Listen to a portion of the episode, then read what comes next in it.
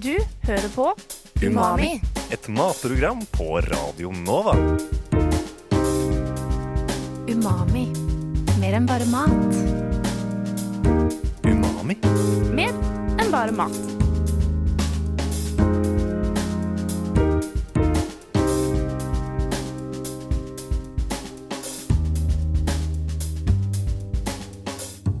Umami. Mer enn bare mat. Hei og velkommen til denne ukens episode av Umami her på Radio Nova. Ukens tema er øl, og i den anledning har vi snakket med en studentforening som brygger sin egen øl, og en butikk hvor du kan kjøpe utstyr til hjemmebrygging. Men først har jeg satt meg inn i historien til den populære drikken. Øl. Verdens mest kjøpte drikkevare og kulturens førstefødte oppfinnelse ifølge historikere. Den har eksistert i minst 10 000 år, men mange tror at den er mye eldre. Øl er faktisk den eldste dokumenterte oppskriften i verden. Noen forskere tror faktisk at vi gikk fra et jakter-sanker-samfunn til et jordbrukssamfunn nettopp fordi vi skulle ha nok korn til å lage øl. Og det begynte mest sannsynlig i Mesopotamia. I oldtidens Egypt drakk de øl i hverdagen og brukte det også som medisin og i religiøse seremonier. Øl ble rasjonert til arbeiderne som bygde pyramidene. De fikk mellom fire og fem liter øl hver dag, fordi det var en antatt nødvendighet for å klare å gjøre det harde arbeidet. I middelalderen gikk øl fra å hovedsakelig bli brygget hjemme til å bli brygget av munker og menigheter. Og det er i denne perioden øl begynte å ta den formen som ligner på den som vi drikker i dag. Man begynte å bruke humle for å balansere ut sødmen og gi den en deilig smak av bitterhet. En bieffekt ble også da at humle fungerte som en naturlig preserverende. Siden øl ble kokt opp i bryggeprosessen, ble bakterier kokt bort. Dette gjorde de ikke med drikkevann, da de ikke var bevisst på vitenskapen. Derfor ble øl, i motsetning til vann, assosiert med god helse. Nordeuropeiske land ble sentrum for ølbrygging. Øl var så viktig for briter at de ga daglige rasjoner øl til soldater, som de eksporterte til alle deler av det enorme britiske imperiet. IPA, altså India Pale Ale, har mye humle og ofte høyere alkoholprosent fordi de måtte preserveres ekstra for å nå helt til ytterkantene av imperiet. Denne faktaen er derimot omstridt, og noen hevder at det bare var et markedsføringstriks. På slutten av 1700-tallet kom den industrielle revolusjonen, og som med alt annet ble øl industrialisert, og hjemmebrygging var ikke lenger hovedmåten å lage øl på. Oktoberfest ble holdt for første gang i 1810, og fortsetter å være en årlig ølfest til den dag i dag. I 1933 kom prohibition i USA til en slutt etter å ha vart i 13 år, og den første ølboksen kom. I nyere tid er hjemmebrygg og mikrobryggerier trendere enn noensinne. De fleste av oss elsker å drikke øl, enten det er en pils på byen, en noe fancy fra Vinmonopolet, eller noe en stefar, onkel eller venninne har brygga. Umami? Sist jeg kjøpte en øl, det var uh, når jeg var i Bergen og ikke kunne ta med meg øl for fem år siden. Dette er Tord Lundberg. Han livnærer seg på å selge utstyr til alle hipsteres våte drøm, nemlig utstyr til ølbrygging. Vi besøker ham på arbeidsplassen hans, Ila hjemmebrygg i Valdemar Trans gate 25, midt imellom Alexander Kiellands plass og Sankthanshaugen i Oslo. Her selger de alt du trenger for å brygge ditt eget øl, med priser fra 800 kroner for en komplett startpakke for nysgjerrige studenter som ønsker å brygge selv, til store ølkjeler i 10 000-kronersklassen. Jeg starter med å spørre hvordan man går frem for å brygge sitt eget øl. Det er eh, først og fremst utstyr og råvarer som, veldig, som gjelder alt. Eh, også eh, tid er ikke minst viktig.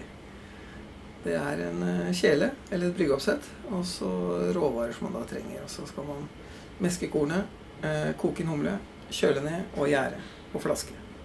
Det er Det må vi gjennom uansett hvilken øl du lager. Hvor lang tid tar det ca.? Seks timer. Litt avhengig av utstyret. Eh, De bryggesystemene som vi har, så er det ned på en fire. Og det er eh, Ja. Det er det som tar tid. Og så da vente selvfølgelig på at det skal bli ferdig. Ja, Hvor lenge må du vente da? Det avhenger av hvilken øl man lager. Eh, vanlig er det jo IPA og Ale er jo evig populært. og Det er ca. seks uker fra det gjør det fra, fra det mesker og koker, til du har det ferdig. Drikkeklart. Hvor mye koster det å brygge første batch med øl? Jeg vil si at det koster mellom 300 og 400 i råvarer. Eh, bryggeutstyr koster fra 6 til 10 000 med de maskinene vi har. Så hvis du drikker mye, så tjener du inn på et halvt år. Eh, ja. Men hva med de å bruke fra ekstrakt? Eh, funker det? Blir det like god øl? Eh, nesten, vil jeg si. Det er litt mindre utfordring å brygge noe som noen har gjort før deg. Eh, og tilsette vann. Men det blir et veldig godt øl. Helt på høyde med det du kjøper i dagligvare, i hvert fall. Hva er det som er viktig å tenke på når man brygger øl i prosessen? Hygiene. Eh, sånn at jern har et eh, godt eh, hva heter det for noe, miljø å jobbe i. Og gjør det den skal. Og at du får den smaken du skal. Og så er det bare å følge en oppskrift til du er sikker på det du gjør. Og så før man eksperimenterer for mye. Hvis man aldri har brygga før, Mm. Hva, hva er sannsynligheten for at det blir et godt produkt? Eh, De første gangene eh, det er jo tett opp til 100 Jeg tror i de åtte årene så er det to stykker jeg har hørt om som har bomma første gangen. Eh, Men når det kommer til femte og sjette, og folk tror det sitter godt, og eksperimenterer litt mye og slumser litt eh, med hygiene, det er da det går feil. Som regel. Så den første gangen vil jeg si at det er stor sjanse. Kan ikke du eh, fortelle litt mer om hygiene? Altså, hva er det som eh, skjer hvis man er dårlig med hygiene når man bygger?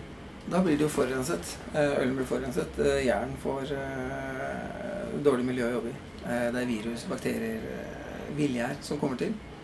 Og da skjer det som skjer, og det har du ingen kontroll over. Så hygiene er for å minske eh, Hva skal jeg si for noe? For at du skal ha kontrollen. Det er derfor. Så desinfiserer man hjerneskaret, selv om det er helt nytt. Og så kjøler man godt. Eh, sørger for at det har kokt ordentlig i den timen det skal koke. Og så renser alt utstyr som skal brukes. Hva renser du det med? Eh, altså det som kokes, det er jo bare overflatevask, gjerne med skrubb. Og så skal det kokes uansett. Eh, og så alt annet renser jeg med bryggerens eller eh, suresand. Som er eh, fosforbasert. Er det farlig å drikke øl som har blitt infisert av bakterier? Det kan være. Men uh, hvis jeg har bakterier, vil jeg si ja, det kan være. Det lukter man veldig lett, eller man ser det veldig lett. Uh, og vi er jo Ja, vi lukter veldig ofte om ting er off eller ikke. Det er jo det samme med mat. Uh, hvis det har kommet villgjær til, så kan det godt hende at det smaker bedre enn det ville gjort med den hjernen du har bestemt. Så, så det går som regel bra. Hvor lang tid tar det å lage en typisk batch med øl? Tid på gjæring. Ja, altså fra man starter prosessen eh, til man har øl ferdig på flaske. Ja, jeg lager en el på ca. seks uker. Det er det som fungerer best for meg. Da har jeg en meskedag, eller en bryggedag, som det heter. Eh, Og så er det 14 dager på gjæring, og så er det fire uker på flaske. Og da er eh, stort sett ølen min best. Hvor sterk eh, kan ølen bli? Er det At jeg lager en så sterk du vil. Jeg er en ingefærøl nå på nesten 9 Den er ikke så veldig god, den, altså. Den er helt god. Den er helt grei, men den hadde vært bedre på, på 6, tenker jeg, prosent. Når slutter det å være øl Altså Hvor høy prosent kan du gå før det slutter å måtte være øl? da? Så lenge det er lagd av korn, så er det øl. Ok, ja. Men uh, man kaller jo det barley wine. Det som er veldig sterkt eh, mørkt, eh, ofte litt mørkt øl. Som er på en 8 oppover. Er en egen type som heter barley wine. Så ja. Hvor ville du anbefalt at vi begynte hvis vi ville lage vår egen øl eh, nå til helgen? Jeg anbefaler folk å begynne med et ekstraktsett. Eh, sånn som den studentpakka til eh, 800 der. Eh, og ser om det er noe man har plass til og er interessert i. Og man bruker det samme utstyret hvis man skal gå videre til en bryggemaskin og korn.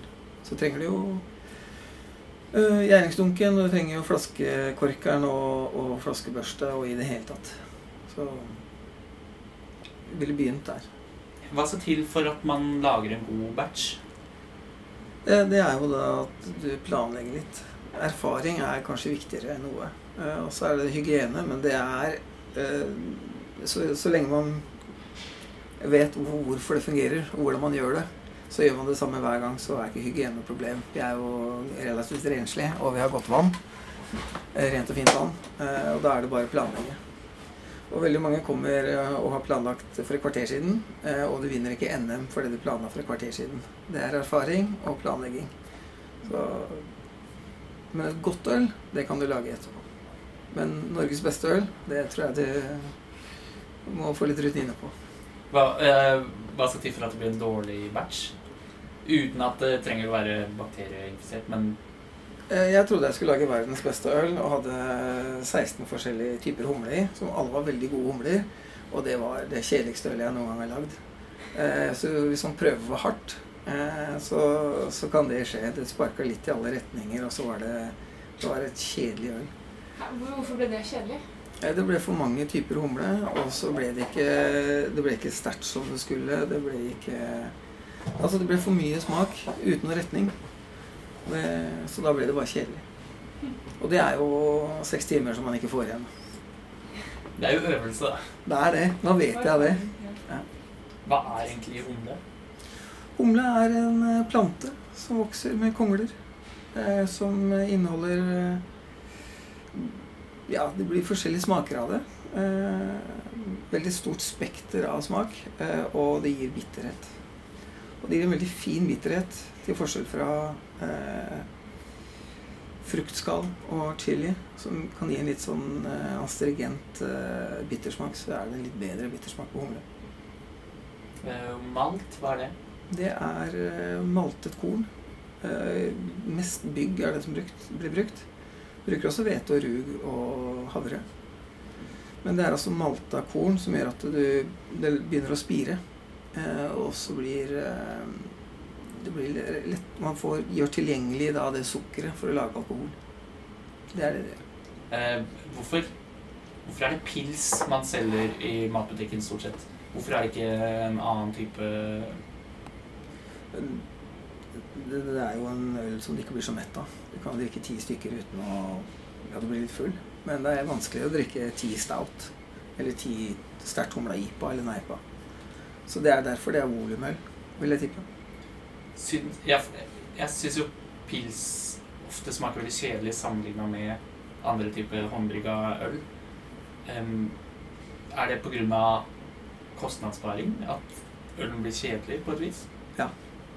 Jeg tipper, Du har jo øl, altså du har pils som er veldig god. Eh, Men når du produserer 30 millioner liter i året, så vil du jo spare overalt. Så det er for dem, og så er jo håndkraft eller håndbryggeøl for, eh, for oss andre. Eh, Hva er ditt favorittøl? Eh, Det er en bukk. Hva er det? Det, det er en mørk pilstype. Veldig grovt lagt. Og veldig mye av juleølen er jo en bukk. Så jeg liker det. Litt rene smaker. Fyldig eh, karamell. Og, eh, og gjerne 6,5 Ikke noe sterkere. Sist jeg kjøpte en øl, det var eh, når jeg var i Bergen og ikke kunne ta med meg øl for fem år siden. Oh, ja, såpass. Så det var siste ølen jeg kjøpte. Så du syns ikke det er gøy å gå på polet og kjøpe litt sånn Det, jo da. Jo da. Jeg har bare ikke gjort det. Nei. På tampen av intervjuet får vi smake på noe av det man kan brygge med råvarer fra Ila hjemmebrygg. Vi får smake på hver vår amerikanske hvetøl brygget i butikken. Så bra. Da. Hva er det vi har Hva, hva drikker vi? Hva er det her for noen Det er en amerikansk hvetøl. Det er en amerikansk hvetøl. Ja, begge to. begge to? Samme. Du, Men hvorfor er de forskjellige glass? Eller er det bare det det Det Nei, men Jeg vet at noen er ganske spesifikke på liksom hva slags glass man bruker, men er begge dette Ja, nå tok jeg det litt sånn. Ja. Jeg hadde bare ett hveteglass. Mm. Nei, men, eh, men dette er Har dere laget her, eller Ja, du har laget det? Ja. Og det er en eh, ja. Hvilken uh... Det brukte en humle som heter Pekko. Eh, Og så er det en standard hveteblanding med 50% pilsmalt og 50 hvete. Den var skikkelig god. Skikkelig. liksom, eh, lett og frisk. Mm. Og For meg er dette en skikkelig sånn god sommer, eh, sommerøl. mm, Det passer bra nå som eh, sommeren Eller våren ja, så vidt begynte, i hvert fall. Hva er det du, du vil beskrive den som? Nei, det er en god, frisk sommerøl. Det er, det. Du var ikke, du var ikke helt ute der. Nei. Nei, det er ikke det. Nei så bra. Og ikke så mye humle, ikke så veldig mye smak, Nei, men godt, en godt du kan ta fem stykker av uten å Ja, ikke på rappen, da, men Du hører på Umami på Radio Nova. Nå skal du få høre hvordan det gikk da Miriam tok en prat med lederen i studentforeningen Kristiania Studentenes Håndbryggerlaug. Først og fremst så lurer jeg på om dere har noen forkortelse for navnet deres. Fordi Kristiania-studentenes håndbryggerlaug er jo en munnfull. Så hvis dere snakker med venner eller eh, med hverandre, da, eh, har dere noen forkortelse for navnet? Vi heter så godt som alltid for KSHB. Det er nesten ingen som sier Kristiansund håndbryggerilag. Så vi må jo ta oss når vi skriver søknader også, at det er, det er Kristiansund håndbryggerilag. Men KSHB fungerer, liksom. Kan du si hvem du er? Uh, Jeg heter Gard Nilsen. Jeg er lederen i KSHB. Så uh, sjefsbrygger in chief. Brewmaster. Uh, teknisk sett ikke, siden det er en sånn uh, kan man si sånn eh, skill-nivå vi har i lauget. Mm. Så det er egne brewmasters? Eh, ja, du har en sånn tregraders inndeling. Det liksom begynner som brauling, og så går du videre, og så til slutt så kan du bli eh, brewmaster. Så jeg er vel teknisk sett kanskje det, men eh, jeg har ikke gått gjennom uh, prosedyrer ennå. Så dere er jo en studentforening for folk som vil eh, brygge og nyte øl. Kan du fortelle litt om foreningen og hvordan det fungerer? Nei, altså at vi er jo veldig et løg.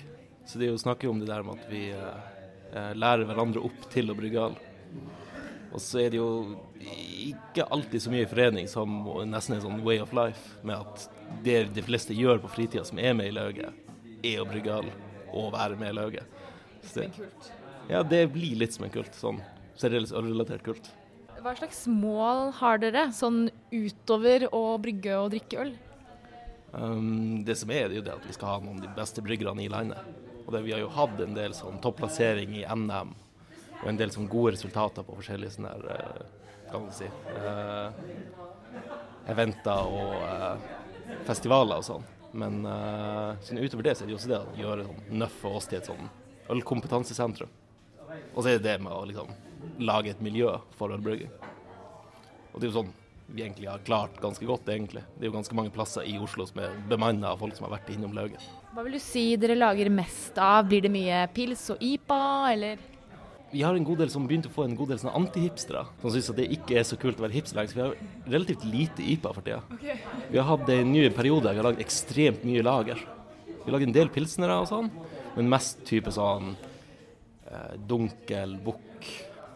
Men også en god del nye, nye nå som har vært veldig interessert i sånn belgisk øl. Så bare for noen uker siden så brygga vi en veldig sterk belgisk trippel, f.eks. Jo, så hvis jeg, si jeg hadde blitt med i foreningen og hadde hatt veldig lyst til å lage si aprikos og lakrisøl, da. Kunne jeg gjort det, eller hvem er det som bestemmer hva dere lager? Nei, altså det er det at vi subsidierer jo en andel for at folk skal kunne brygge og sånn. Og da er det litt sånn at hvis du brygger øl som er objektivt forferdelig, eller sånn De fleste som de som har vært det en stund i lauget, har brygga noe med det aller meste. Og da kan det være at du blir sklitakla på vei til bryggekjelen hvis du skal lage noe som høres rett og slett forferdelig ut. Noen ting er sånn nyvinnende nok til at det kan være forferdelig, og det er greit likevel, men liksom hvis du er nybegynner, så lar vi deg ikke brygge en uh, trippel laktose imperial uh, IPA stout trippel med kokos. Det er litt sånn uh, Men etter hvert som man liksom blir med videre i lauget og kan liksom sånn argumentere for det man brygger, så er det liksom hva man egentlig brygger hva som helst. Vi brygger kanskje fem ganger i uka. Sånn opp til, liksom. Vi kan brygge nesten hver dag i uka. Og så er det gjerne at folk brygger jo i lag, så det bruker ikke å være et stort, stort problem.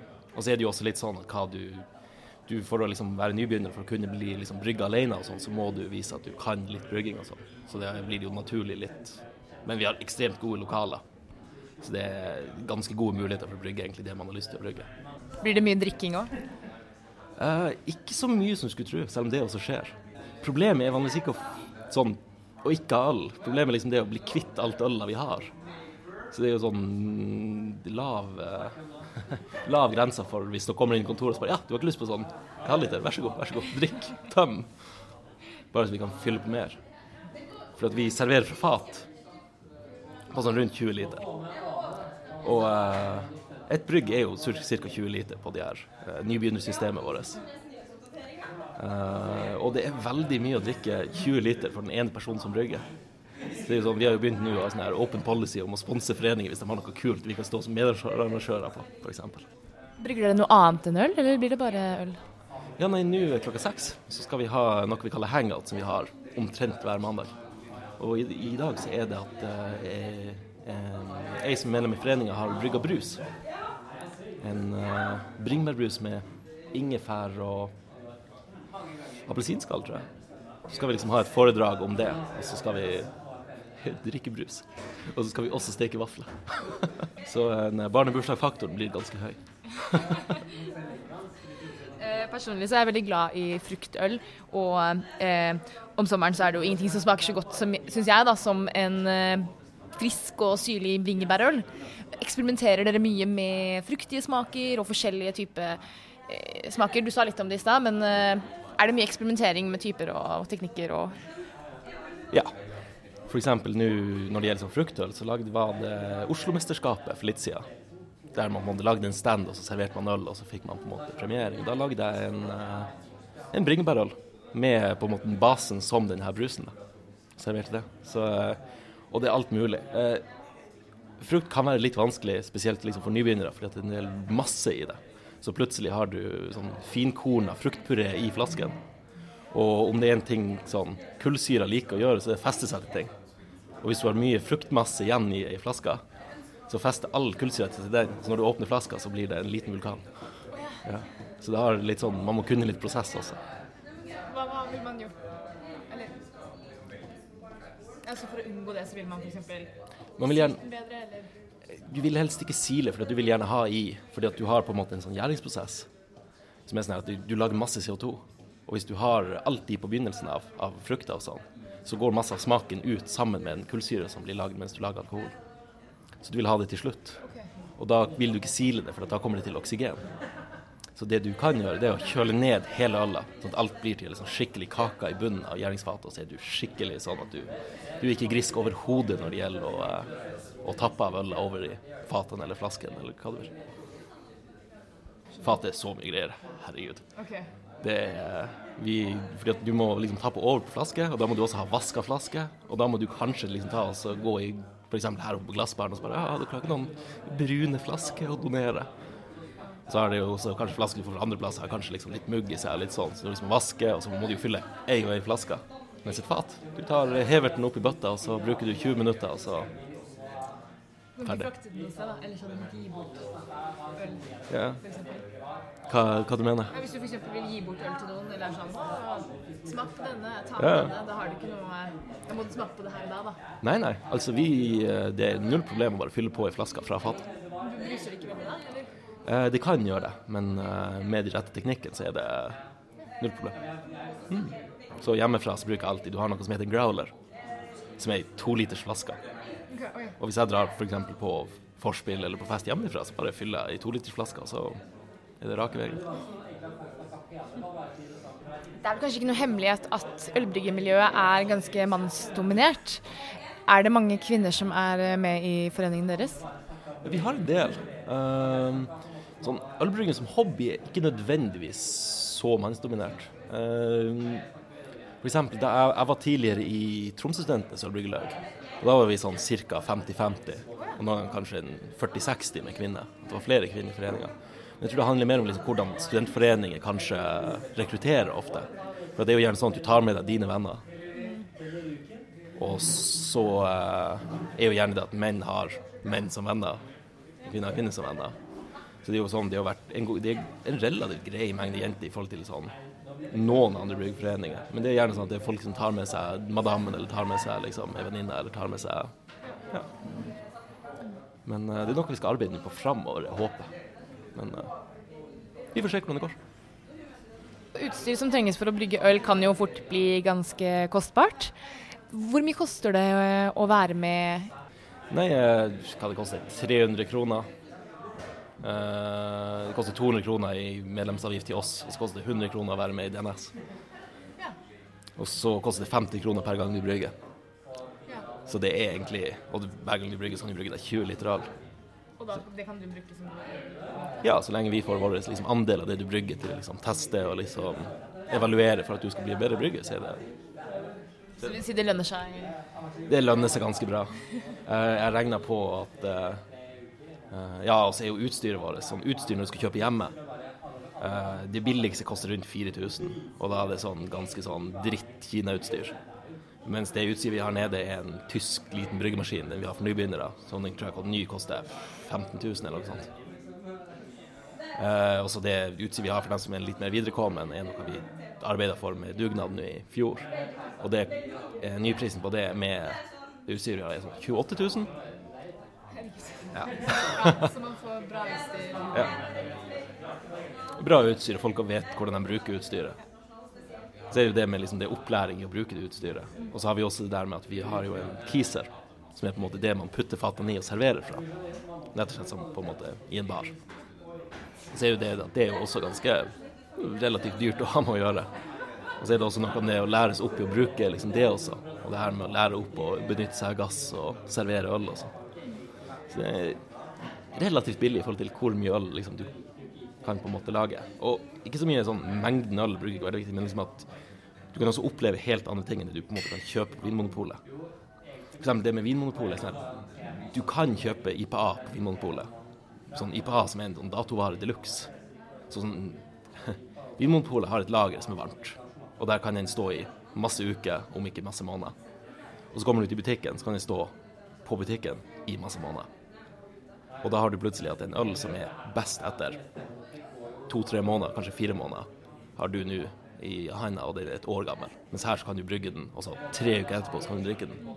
Du får sannsynligvis sånne smaker og ting du kan utrette som du aldri hadde på en måte klart andre plasser uten å brygge øl sjøl. Mm. Og hvis du skulle begynt å liksom lære deg sjøl hjemme, så kan det ha gått noen år der også med erfaring før du klarer å lage liksom det samme bra ølet som når du har på en måte folk som er litt over eh, liksom skuldra på deg og liksom kvalitetssikre det du gjør. Og kan vurdere det du har produsert, ikke minst. Det er jo ikke på en måte bare den brygginga det vi gjør. For det er det der med at nesten hver mandag så har vi, eller hver mandag i utgangspunktet, så har vi på en måte en sånn faglig samling der vi smaker på øla vi har brygga, smaker på øla til hverandre og gir hverandre ekstremt konstruktive tilbakemeldinger. Eh, og så har vi også f.eks. mikromandag, der det er to medlemmer fra lauget som holder ølsmaking oppe i, eh, eh, ved glassbaren. Eh, der vi på en måte kjøper inn de fancy ølene som vi kan få tak i, og liksom eh, selger ut billetter med liksom folk som virkelig kan å smake øl. Liksom til innkjøpspris, nesten. Det er ja. Og så er det jo det. ja. Og så anbefaler jeg også, hvis folk er interessert i det, å sjekke nå når høsten begynner å komme. For hver høst så har vi eh, eplehelger. Der vi leier biler, og så drar vi rundt i Oslo på epleslang. Kan ikke si det på radioen. Nei, helt lovlig epleslag. Er det lovlig? Ja, vi spør først. Ja, okay. Og så har vi avtaler på forhånd. Ja, så. Så det er litt sånn uh, Ja. Så lager vi sider, og så serverer vi uh, serverer vi uh, fårikål på slutten. Så brygger vi kanskje 200 liter med sider. Og det er et åpent arrangement? Det er et arrangement. Og så hver gang, sånn, kanskje to ganger i måneden, bortsett fra liksom når det nærmer seg eksamen, så har vi også nybegynnerkurs. Der det koster 100 kroner for medlem av DNS og lære å brygge øl en kveld. Og eh, det liksom ofte litt sånn smaksprøver og sånn på det som har blitt brygga, så det er ganske, ganske greie kurs å delta på. Så ja, så er det jo også at hvis man på en måte er med i forening eller bare har lyst til å være med og se, så er det ofte veldig gode muligheter for å bare komme innom, egentlig. Og vi inviterer gjerne sånn ølinteresserte til å komme inn og snakke øl. Du hører på Umami på Radio Nova. Og med det takker vi for følget, og håper vi har gjort deg skikkelig nysgjerrig på hvordan man kan brygge sitt eget øl. Umami lages av Miriam Folland og meg, Henrik Evensen, og alle episodene av Umami finner du som podkast i din foretrukne podkast-app, inkludert iTunes og Spotify. Og er det noe du lurer på, eller har du tips til hva vi kan snakke om i senere sendinger, så svarer vi på alle e-poster sendt til umamiradionova at gmail.com. Eventuelt kan du kontakte oss på vår Facebook-side Umami på Radio Nova. Vi høres igjen neste tirsdag klokken 17.00. Ha det godt! Du hører på Umami. Et matprogram på Radio Nova. Umami. Mer enn bare mat. Umami. Mer enn bare mat.